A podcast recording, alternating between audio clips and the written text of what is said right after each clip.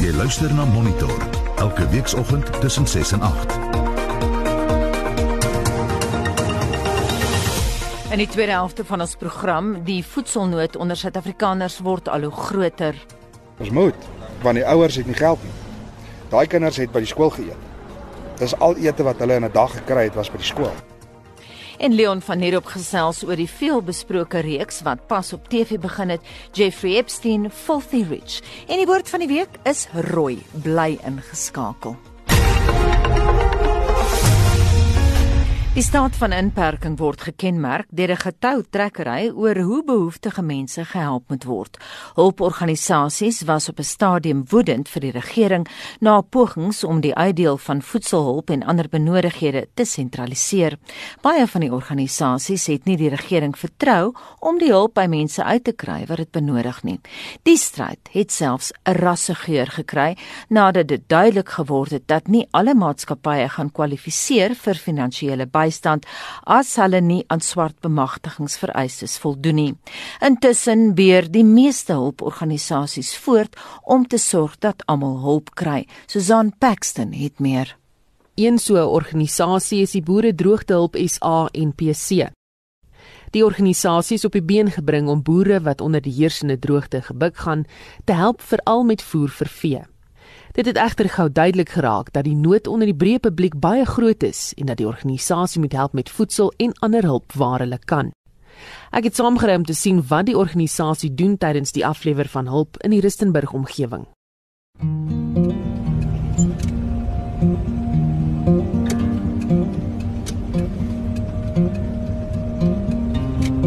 Vandag gaan ons by 'n wit nedersetting hier buitekant Rustenburg, Kroondal. Gaan ons daar mense help. Daar's ons so 17 gesinne. Ons gaan vir hulle kos vat en dan gaan Chris van Biljon dryf die Boere Droogtehulp SA MPC. En intussen deur slukke warm koffie op die koue Saterdagoggend vertel waar daar oral gehelp gaan word. en dan gaan ons ook by die Agapai Kerk in Rustenburg gaan ons die res van die kos uitdeel. Waarde van die kos wat ons vandag aflaai is net so rap- rapsie oor 'n 150 000 rand. So hopelik gaan dit 'n suksesvolle dag wees. Luister kyk, die eerste keer toe ek jou gesels het, dit was nou baie op Facebook en ons het die foto's gesien van al die vragmotors wat ry en die hele ding. Ek staan nou hier voor julle sommer nou al 'n kantoor. Ja, dit was nooit die plan dat dit so moet uitdraai nie. Met my eerste aflaai was die gedagte daar dat dit gaan een keer wees en dan is dit klaar. En uh toe het ek 'n oproep gekry van tannie wat vir my sê die mense wat ons gehelp het het daai aand hulle self gaan doop in die riviertjie. Dit het alles verander. Toe het ons begine weer uitdeel. En later het die vrou gesê maar ons moet bietjie stadig met ons eie geld want ons maak onsself in die nood en toe het ek en 'n vriend van my gegaan en ons het die NPC gestig Chris vertel verder dat die Rustenburg omgewing nie net gebuk gaan onder armoede as gevolg van die impak van die Grendelstaat nie. Die gebied het nog nie herstel van die gevolge van die Marikana skietery in 2012 nie. Jy weet hierdie is 'n is 'n myndorp, so almal werk op die myn. Die wat nie op die myn werk nie is het iets te doen met die myn. Hulle verskaf iets aan die myn of iets en daai tyd toe dit stil staan toe niemand inkomste nie. Selfs soos nou. Dit was 6 maande lank. En nou weer met lockdown. Ons het hierdie skool wat ons help, Hoërskool Rustenburg. Ons het Laerskool Rustenburg. Ons het Protea Park, ons het nog 'n ander skool. Gee hulle nog vir kinders kos al is hulle nie in die skool nie. Ons moet want die ouers het nie geld nie. Daai kinders het by die skool geëet. Dis al ete wat hulle in 'n dag gekry het was by die skool. Maar hoe werk dit dan nou? Skool is toe, so kom hulle nog steeds skool toe en kom kry kos of hoe maak Nee, hulle ons kry hulle- ons ons gee vir die skool. Die skool maak pakkies op en dan het die skool iemand wat dit gaan aflaai. Kort voor lank is almal gereed en die konvoi van sowat 10 voertuie val in die pad na Kroondal net buite Rustenburg waar die eerste vragskenkings afgelewer sal word. Die groep het bestaan uit lede van die Toyota Fanatics wat elk met hulle voertuie vragteprodukte saamgery het. ER24 wat mediese dienste gelewer het en lede van die Boere Droogtehulp SA groep. Ons word begroet deur 'n kat en 'n kleintjie, 'n woelige hondjie, eende en hoenders en inwoners wat vroeg op is om hulle kospakkies te kom haal. Vir die meeste beteken die pakkies dat hulle nog 'n maand sal oorleef. Hoe lank bly jy al hier? amper 10 jaar. Oor die 10 jaar hierso.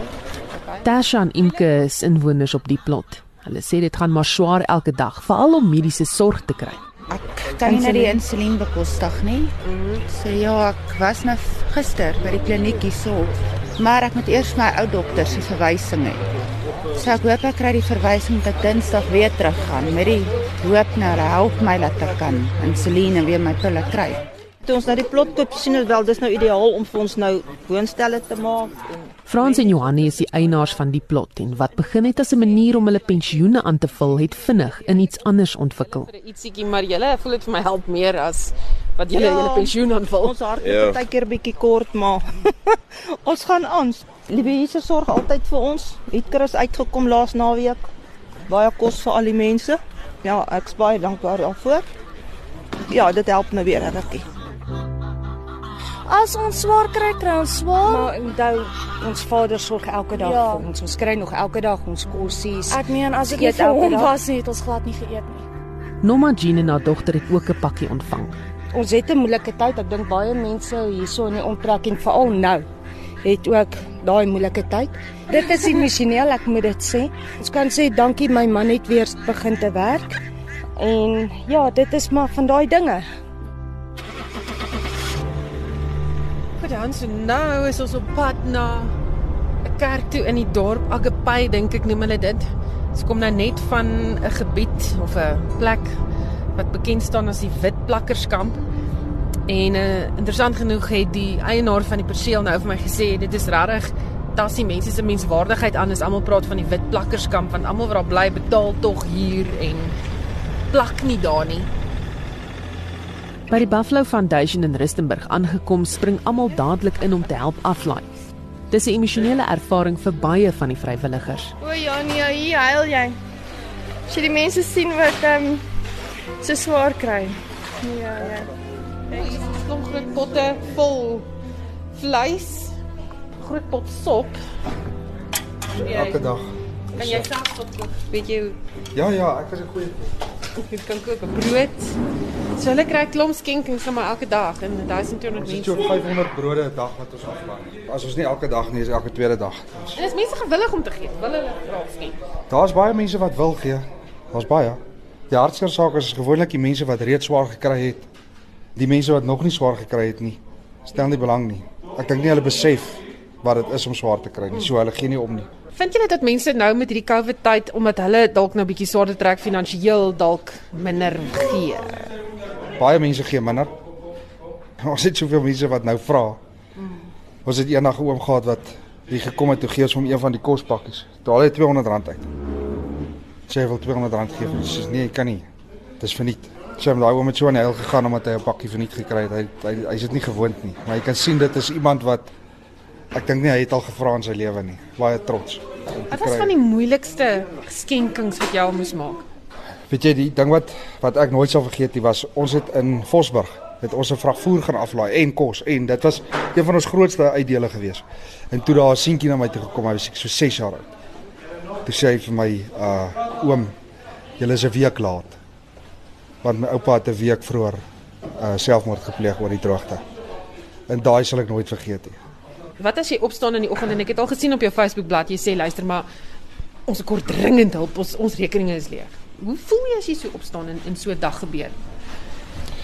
Jesus, weet jy, um die die ding is ons het baie voer wat lê. En ek weet die vee gaan elke dag dood. En ek weet daar is voer, maar jy kan nie die voer daar kry nie, want daar is nie geld vir brandstof nie. En dit vreet 'n mens op. Dit is dieselfde met kos. Ons het kos wat in 'n dorp lê. Ons het nie fondse om die kos te gaan haal nie. En ons weet daar's mense wat wat swaar kry. Tydjie terug het ons 'n babatjie gehad wat Mense het ons gebel en gesê hulle het hulle het nie melk vir die babatjie nie. So hulle gee nou gewone beesmelk. Maar dit is nie dit is nie goed genoeg vir 'n kind van 3 maande oud nie. En uiteindelik ons het gaan rondsoek en goede en niemand wou help nie. Ja, dan gaan koop jy maar uit jou eie sak uit want jy weet dit is nodig.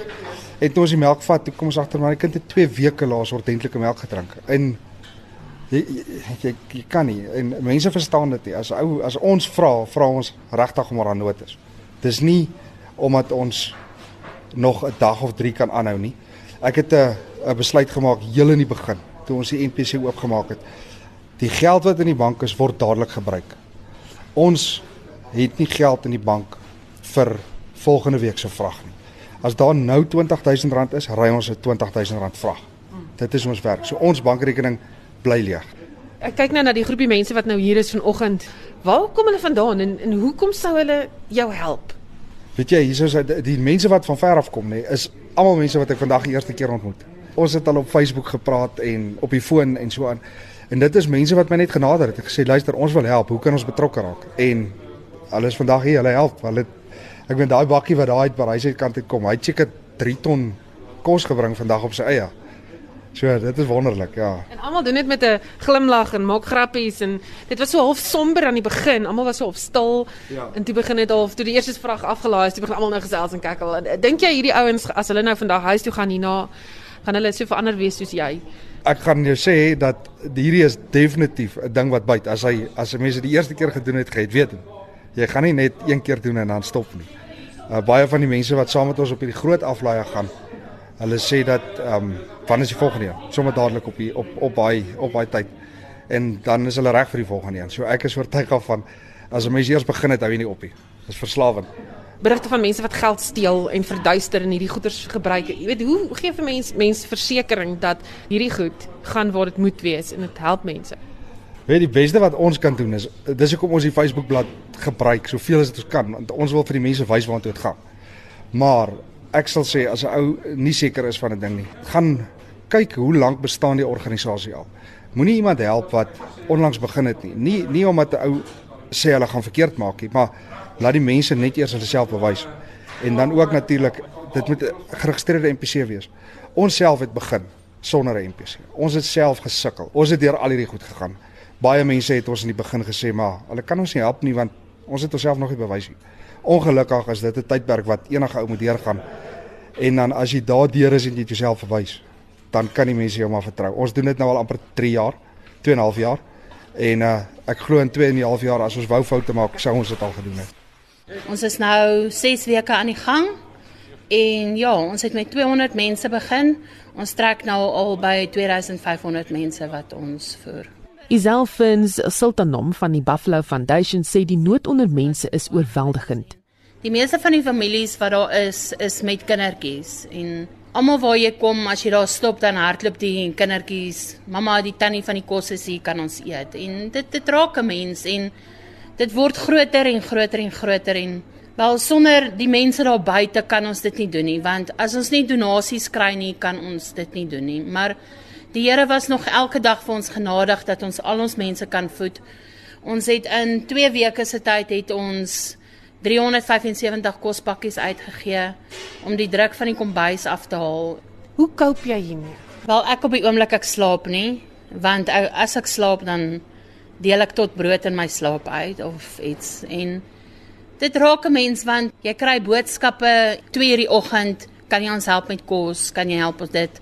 Dan is daar mense wat sê hulle het nie salaris gekry nie, dan stuur hulle vir die bewys deur dat hulle gestuur het daar word nie salarisse betaal nie en So dit raak 'n mens en jy raak moeg.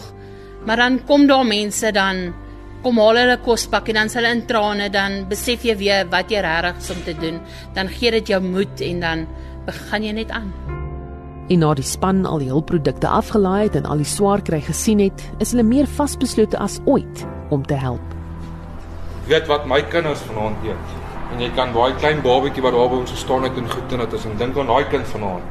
Koud dalk vanaand is haar maagie vir die eerste keer vol in hoeveel weke.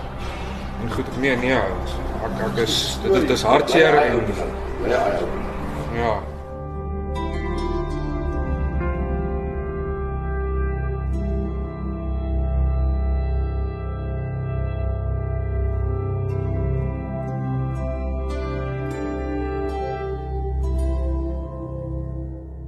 En Susan Paxton het daai verslag saamgestel en Danny Boysen was die klankregisseur.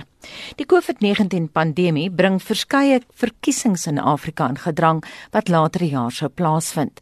Nie-regeringsorganisasies is bekommerd dat die noodtoestande met gepaardgaande grendelstate en ander inperkings dreig om demokrasie op die vasteland ingrypend te verswak. Baie Afrika-kenners waarsku ook dat die koronavirus die perfekte dekmantel is vir sommige politieke leiers om autokraties op te tree en om hulle mag te misbruik. Darren Taylor het meer. Volgens organisasies wat hulle vir demokrasie beywer, is 'n verkiesing 'n baie lang proses met verskeie fases wat mense in staat moet stel om aan vrye en regverdige verkiesings deel te neem. Dr. Chris Fumunyo is 'n direkteur by die Nasionale Demokratiese Instituut.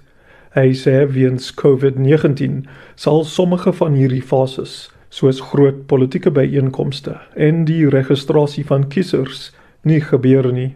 Most of the constitutions across the continent did not foresee a COVID-19 and so did not make provision for the possibility that the end date of presidential terms or parliamentary terms could be tempered with.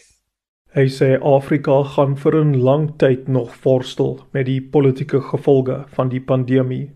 In Ethiopië byvoorbeeld gaan 'n verkiesing wat uitgestel is waarskynlik beteken dat 'n onwettige regering met gepaardgaande politieke geweld sy verskyning gaan maak.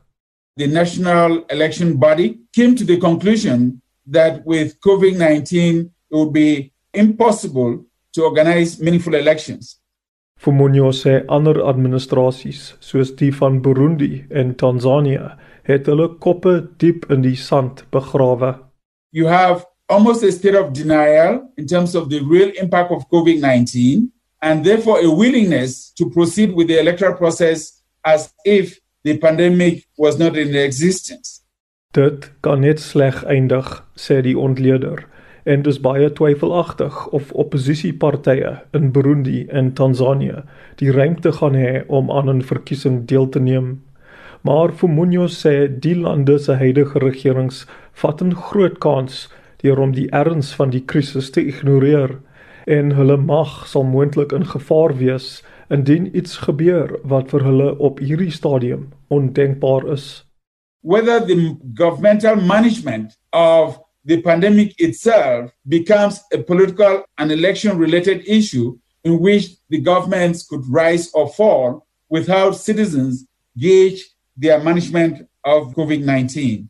Hy sê verkiesings het altyd belangrike temas, maar dat sommige lande, soos die Sentraal-Afrikaanse Republiek, moes hierdie jaar kwessies afhandel wat uiters betekenisvol is vir hulle toekomste. In the Central African Republic, there's a desire by the executive branch to introduce legislation that would amend the constitution to allow the president to be able to extend his term of office. Malawi se verkiesing is vir Julie geskeduleer, dit nadat die land se konstitusionele hof besluit het dat die verkiesing van verlede Mei wat gelei het tot die herverkiesing van president Peter Mutharika onregverdig was. Maar volgens Fumunyo is dit nou heel moontlik dat Malawi se verkiesing nie in Julie gaan gebeur nie. Or whether civil society and especially the security services will be able to conduct themselves in a way that would allow citizens either to participate in the elections or should they be moved forward to create an environment where the country can continue to stay stable until those elections are conducted. Maar sê Fumunyo, daar is hoop in die forme van Burkina Faso en Niger. These two countries are in the Sahel and therefore under tremendous stress because of their efforts to counter extremism, but where we see enormous political will to do the right thing. Hy sê ander Afrika lande kan baie leer uit die voorbeelde van Burkina Faso en Niger lande wat veg teen beide die koronavirus en terroriste, maar wat terselfdertyd hulle bes doen om demokrasie te vestig wanneer ook al hulle kans kry om stembusse toe te gaan. Ek is Darren Taylor in Johannesburg. Jy luister na Monitor elke weekoggend tussen 6 en 8. Die jongste nuus president Cyril Ramaphosa is vandag in die Wes-Kaap na nog sterftes weens COVID-19. Leon van Nerop gesels oor die veelbesproke reeks wat pas op TV begin het, Jeffrey Epstein Filthy Rich. En die woord van die week is rooi. Bly ingeskakel. Vincent. Anita, ons luisteraars mis die ou dae. Kom ons hoor gou wat sê hulle op ons deur hulle stemnotas. Dis Annelie uit 'n koue Newcastle. Ek onthou in Durban die Fudge Lady se trolletjie wat mens altyd die heerlikste lekker goed kon koop. Suurklontjies, sulke klein naas wit lekkertjies en wat in pakkies was, maar dit was die heerlikste lekker goed daar op die strandfront. Was daai 'n uh, trolletjie of vaantjie altyd gewees. Ek het uh, groot geword uh, so 40 km uit Montetjie uit uh, uit die Koordestrik. Daar was 'n slaghuis wat uitgestaan het met al sy gaar kosse wat hy gemaak het. Die lewerwors het polony en en heerlike currybrood. En dan iets wat die koek gevat het. Is 'n boerewors. Hy het uitstekende boerewors gemaak. Japan is vinnig besig om 'n aantreklike rugbybestemming vir spelers en afrigters van dwars oor die wêreld te word. Maar die voormalige Cheetahs en Worcester Warriors afrigter Rory Duncan sê dit gaan nie noodwendig net oor geld nie. Duncan sê Japan bied ook 'n ander soort opwindende styl van rugby en kultuur. Hy gaan voor die einde van die nuwe seisoen in Januarie begin aansluit by die Oud Lions afrigter Johan Ackermann by 'n topliga klub, die Red Hurricanes in Osaka. Heelwat Suid-Afrikaanse rugbyspelers en afrigters kies Japan om hulle loopbane voort te sit en te ontwikkel. Wêreldbeker wenners soos Dwayne Vermeulen en Willie Leroux is maar twee van die talle Suid-Afrikaners wat hulle beroep in die land van die dapper bloeisels beoefen. Die Red Hurricanes se nuwe assistent afrigter, Rory Duncan, sê Japan bied 'n unieke ervaring. The Japanese top league is a fast, exciting style of rugby It's competitive and has some of the world's best players playing in the league. Rugby is also a sport that's well supported over there, and this was evident in last year's Rugby World Cup. From a personal perspective, my motivation was pretty easy. I have some really great memories of my time in Japan when I played there 10 years ago, and some really good friends over there. So it's always been a goal of mine to return to Japan one day and coach a team in the top league. Wanneer Duncan hom by Ackerman en die Red Hurricanes aansluit, sal dit 'n Suid-Afrikaanse gedomeineerde afrigtingspan wees. Hulle sal ook hulp ontvang van 'n man wat die Lions gehelp het, Neil De Bruin. Duncan sê dit sal 'n voorreg wees om met 'n gewese Lions hoofafrigter te werk. I'm really looking forward to working with a guy like Akus, uh, a coach who's built great teams like the Lions and had great successes with a team like uh, Gloucester here in the UK. He's a coach that believes in creating a great team culture and team environment and I'm really looking forward to being part of it. Nadat Duncan 2 jaar by die Worcester Warriors afgerig het en die Cheetahs met sukses in hulle eerste Pro 14 seisoen gelei het, sê hy hy wil meer Suid-Afrikaanse spanne sien deelneem in die noordelike halfrond. In years to come, I'm pretty sure that we're going to get more South African teams playing in the northern hemisphere. What that's going to look like and which teams are going to be, um, I can't say. But um, from a personal perspective, I would really like to see South Africa put up its best against uh, the top teams here in Europe. Spelers in Japan is gretig om te begin speel. Die Japaneese topliga sal volgende jaar in Januarie afskop. Temba Shiba van ons sportredaksie het hierdie verslag saamgestel. Mitsi van der Merwe, SAK nuus. Ouers van graad 7s en 12s wie se kinders weer terugkeer skool toe, voel bang dat hulle kinders COVID-19 kan kry. Sommige skole laat ouers vorms onderteken wat die skole dan vrywaar teen aanspreeklikheid indien 'n leerling die siekte sou kry. Vincent Mofokeng berig oor twee ouers in Johannesburg wat moet besluit of hulle voortgaan om hulle kinders skool toe te stuur of nie. Hierdie Johannesburgse moeder, wie se stem ons verander het omdat sy nie haar seun wil identifiseer nie, was gelukkig toe sy haar seun by die skool afgelaai het om te sien hoe die kinders ontsmet en getoets word terwyl hulle die skoolterrein binnekom. Haar seun is in graad 12.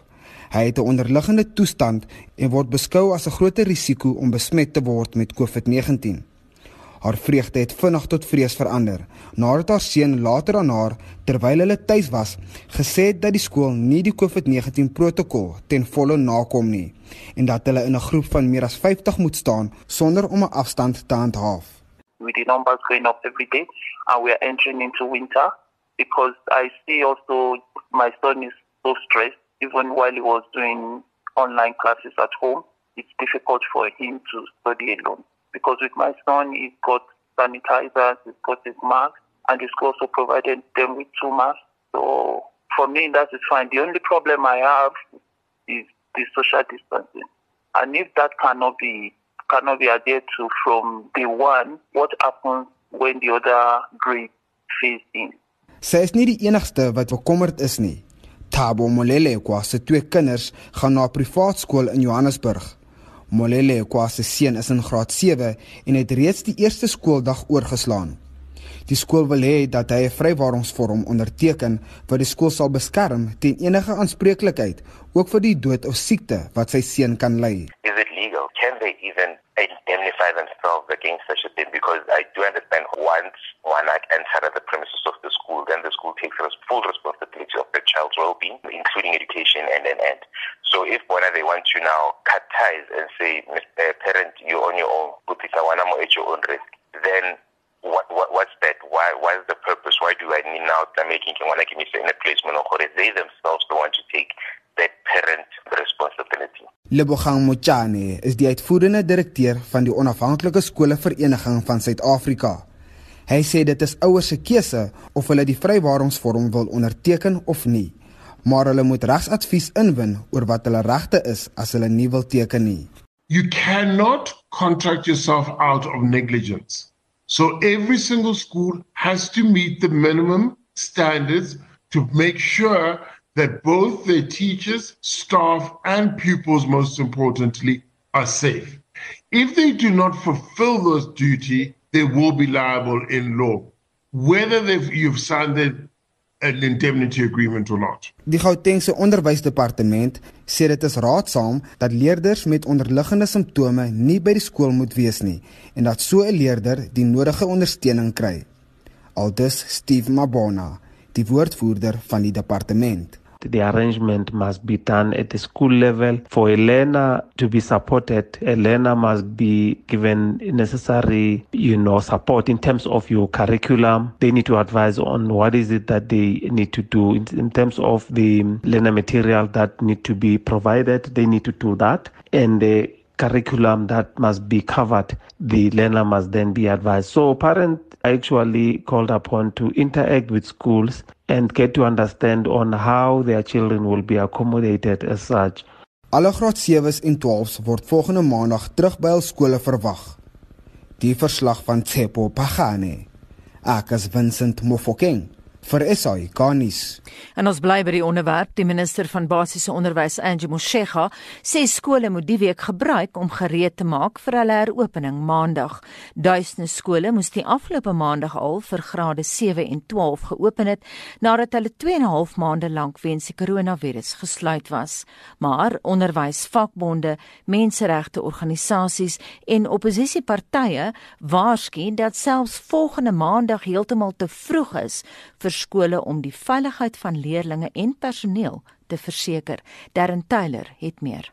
Een van die land se mees gerespekteerde opvoeders, die voormalige minister van onderwys, Mary Metcalf, sê selfs as skole al die voorsorgmateriaal het, beteken dit nie hulle is gereed vir leerders tydens 'n pandemie nie. Volgens Metcalf moet die stelsels en mannekrag wat nodig is om kinders en personeel se gesondheid en veiligheid te bestuur ook in plek wees. Schools are complex and under-resourced environments in any event, but now there's a whole additional set of processes and procedures including taking temperatures, screening everybody every day and dealing with the urgent issue of which teachers are at risk. Metcalf glo dit is onregverdig en gevaarlik om te verwag dat onderwysers besluite moet neem wat dalk sal neerkom op 'n persoon se lewe of dood en om te verwag dat hulle met sekerheid kan vasstel of 'n kind 'n ernstige hoes of uitermate rooi oë het.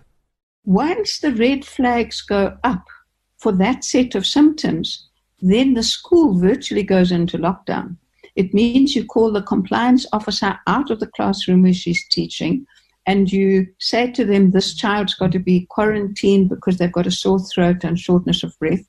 And this just becomes a complicated issue for schools. In sulke stresvolle situasies, sê onderwysvakbonde, is dit heel waarskynlik dat onderwysers te versigtig sal wees omdat hulle bang is om die verkeerde besluite te neem en skole sal gedurig reg oor die land toegemaak word.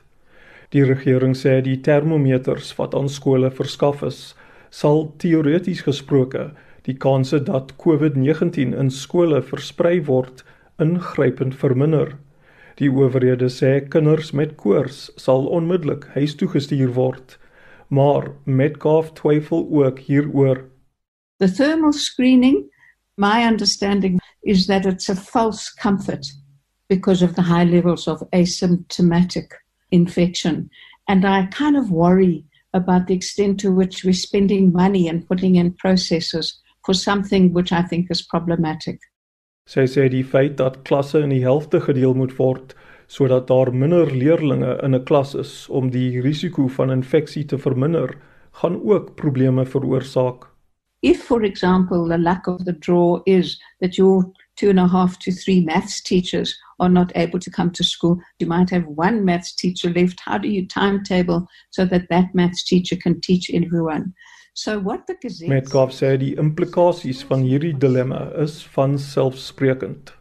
In the majority of cases this will mean that there will be learners who are not at school every day or for the whole day. That's the reality. We need to get into our heads what that means for communities and family. Volgens Motshekha kan skole slegs hulle deure oopmaak nadat haar amptenare inspeksie gedoen het by elke perseel en vasgestel het dat hulle COVID gereed is. Metcalf sê hierdie voorwaarde is onregverdig teenoor veral skole wat in geïsoleerde gebiede is. In Umkanyakode and Zululand in parts of the Eastern Cape, even for officials to go and issue permission is going to be a huge challenge. Sy sê die onderwysdepartement het duidelik nie genoeg vertroue in skole self nie. I have been arguing that readiness can't be determined centrally. The minister can't be saying when the system is ready. It has to be determined by schools with the support of the community that they serve, and they have to respond with informed flexibility to ongoing uncertainties. We have to trust the professionals and we have to support the professionals. Now what do I mean by En dis die grootste probleem in die hele situasie, sê baie in die onderwyssektor. 'n departement en minister wat alles wil beheer, maar wat dit probeer doen sonder 'n voet in die werklikheid nie. Ek is Darren Taylor in Johannesburg.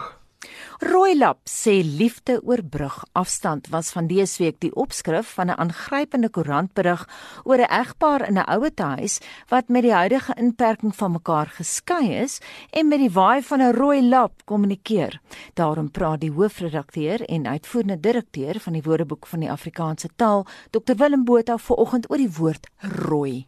Wanneer die verlange te veel raak tydens die inperking, waai 'n inwoner van 'n ouete huis in Bredasdorp met 'n rooi lap van haar wooneenheid na die eenheid vir verswaktes waar haar man dit kan sien. Die rooi beteken ek het jou nie vergeet nie. Dit gaan goed met my en ek is lief vir jou. Rooi is die uitstuk die kleur van emosie en dan veral om liefde aan te dui. Soos ons sien met Valentynsdag wanneer ons oorspoel word met rooi. En 'n rooi hart simboliseer altyd liefde. Rooi simboliseer egter ook woede en om rooi te sien beteken jy is woedend. Insgelyks beteken rooi onder die kraag om kwaad te wees. Waarskynlik omdat sommige mense bloedrooi raak as hulle kwaad of ontsteld is. Om soos 'n rooi lap voor 'n bil te wees, beteken dit iets iemand woedend maak. Ons weet almal van onderwerpe wat liefs nie met sekere mense bespreek moet word nie, want dit is vir hulle die spreekwoordelike rooi lap voor die bil. Daar is altyd geglo dat die kleur rooi 'n bil kwaad maak. Maar volgens navorsing is bulle kleurblind ten opsigte van kleure in die rooi en die groen spektrum. Dit is bloot die beweging van die lap of die stuurvegter self waarop hulle reageer. Om so rooi soos 'n kreef te wees, beteken om besonder rooi te wees as gevolg van sonbrand. En as jy so rooi soos 'n kalkoen is, is jy baie skaam of kwaad. Gaan koop gerus vir jou 'n bietjie rooi wyn nou dat jy mag om Sondag se maaltyd op te kikker of luister aan 'n deftige maaltyd te verleen. Hoe rooier, hoe mooier. Alhoewel ek seker is of 'n ou lap se rooi in hierdie geval so mooi maak nie. En daai vraag word gevra deur Dr Willem Botha. Hy is hoofredakteur en uitvoerende direkteur van die Woordeboek van die Afrikaanse taal. En as jy 'n woord wil koop of borg, besoek www.wat.co.za of Google eenvoudig 'n um, 'n woord, borg 'n woord. Ons kollega Anne Marie Jansen van Vier en nou vir ons die internasionale nuusgebeure vanoggend dop. Anne Marie, kan jy my hoor? Ja, kan jy hoor Anita? Ja, daar's groot nuus oor 'n verdagte wat in die Madeleine McCann saak nou geïdentifiseer is. Beslis 13 jaar nadat die 3-jarige Britse dogtertjie in Portugal weggeraak het, glo die polisie hulle het nou uiteindelik haar ontvoerder opgespoor. Volgens 'n staatsaanklaer van die Brunswick polisiekantoor, Hans Christian Wolters, is die verdagte 'n 43-jarige Duitse man wat reeds 'n tronkvonnis vir verskeie misdade uitdien. We're assuming that the girl is dead. And the suspect? We're talking about a multiple sexual predator who's already been convicted of crimes against little girls and is serving a long sentence. Die polisie ondersoek toon dat die man wat as Christian B bekend staan, in 2007 in die Portugese kusstreek gewoon het en loswerkies daar gedoen het. Selfoonrekords het ook bevind dat hy op die aand van Madeleine se verdwyning naby die Algarve vakansieoord was waar sy weggeraak het. Die mekaar het by uh, familie het by monde van hul woordvoerder Clarence Mitchell gereageer op die nuus.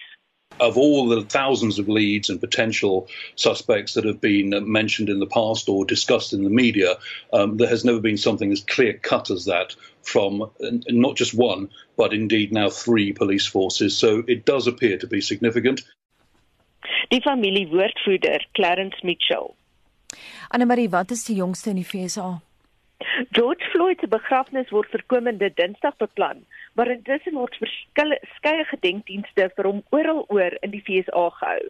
By een so 'n gedenkdiens by die North Central University in Minneapolis het die burgerregte aktivis en ook predikant Al Sharpton hierdie te sê gehad. There is a time and a season. And when I looked this time and saw marches where, in some cases, young whites outnumbered the blacks marching. I know that it's a different time and a different season. When I looked and saw people in Germany marching for George Floyd, it's a different time and a different season. When they went in front of the parliament in London, England, and said it's a different time and a different season, I come to tell you, America, this is the time of dealing with accountability in the criminal justice system. Dit is die predikant en menseregte aktivis Al Sharpton. En dan miskien op 'n ligter noot, terwyl mense wêreldwyd aan inperkings inperkings koers ly, het die depressie selfs 'n vis in Australië oorval aan Marie. Ja, Anita, die vis se naam is Chang en volgens kenners wys dit net weer eens hoe belangrik geestesgesondheid is veral in hierdie tyd. Nou Chang, wat in 'n akwarium in die streek Queensland woon, het homself tot die donkerste deel van sy tank onttrek en selfs vir 'n paar dae lank ophou eet. Maar toe het die skoolkinders van die stad Cairns besluit om vir Chang op te beer.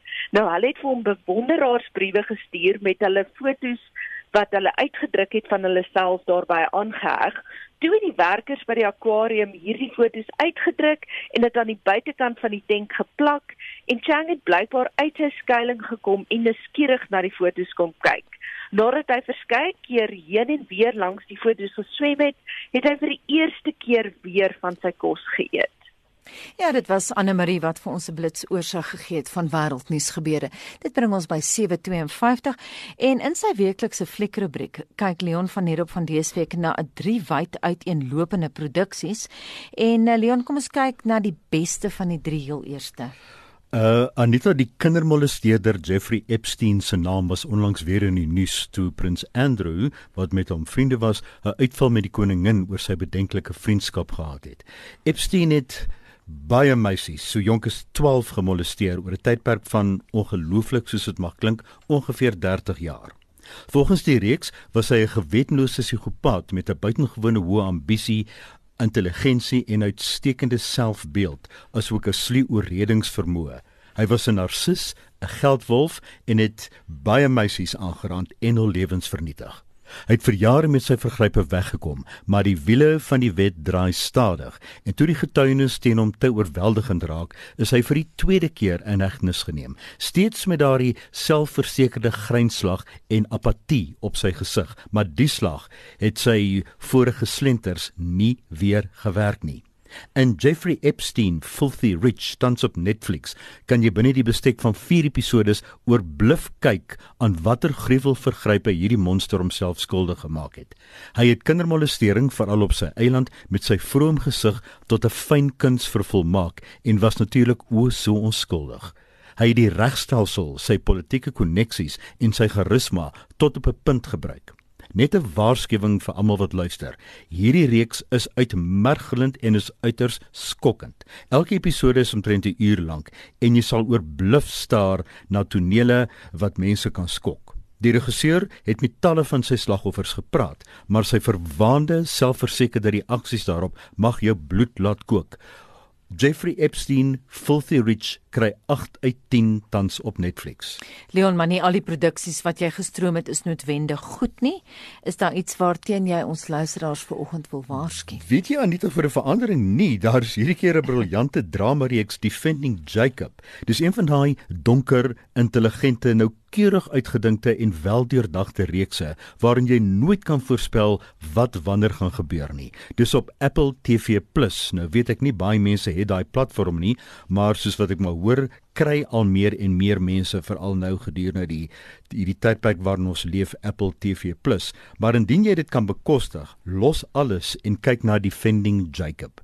'n Doodgewone gesin se wêreld word aan flarde geruk wanneer hul 14-jarige seun, 'n briljante Jaden Martel, aangekla word van die moord op 'n klasmaat, maar het hy dit werklik gedoen? Sy ouers se pogings om sy onskuld te probeer bewys, sal jou later so ver vorentoe laat skuif, jy mag jou rusbank omtrent, jy mag omtrent daarvan afval. Defending Jacob is een van die jaar se topreekse. Captain America se Chris Evans speel die rol van die pa en Michelle Dockery wat baie mense, ek dink selfs jy Anita van Downton Abbey sal herken, speel die ma. Defending Jacob 9 uit 10 op Apple TV+. Ek dink dit is regtig die beste TV-reeks wat ek hierdie jaar gesien het. Leon, jy wys uh, verwys reg na die vreemde tye waarin ons lewe. Is daar 'n fliek wat jy kan aanbeveel om mense te inspireer? Jong, ek hoop Catch 22 sal hulle inspireer. Uh ek weet nie Anita, jy ken seker Catch 22 van uh Joseph Heller, né? Ja, my partyboek uh, gehad, ja. Ja, nou Catch 22 is gegrond op Joseph Heller se bekende roman wat ek dink hier rondom 1962 as film uitgereik is. Dit was niemand onder 16, so ek was te jonk om daarna te gaan kyk. Die naam beteken natuurlik dat jy tussen twee gruwelike keuses te staan kom. Dit maak nie saak watter een jy kies nie, jy is gedoem.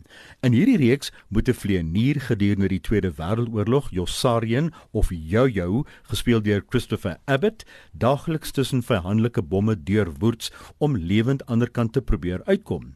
Hy poog om uit die oorlog te kom, maar dis waar die titel inkom. Hy moet die beste van twee ewels kies. Die humor is gitswart.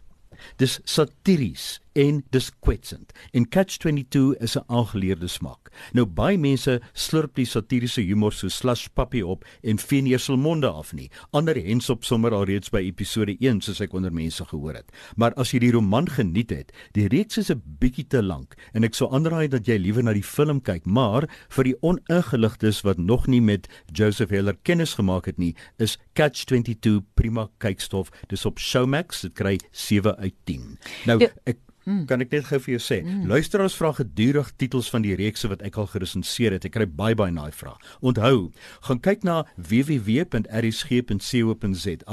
klik op fliek rubriek en kyk na die vorige resensies. Die reeks oor die eerste moord op IJsland is The Valhalla Murders. Mense het vir my gevra wat is die reeks se naam? Valhalla Murders, waaroor ek die meeste navraag kry. Nou ek groet dan tot volgende week en sê jy nog iets het om te nee, vra nie. Voordat jy groet, daar is luisteraars wat wil weet wanneer die teater teaters weer open?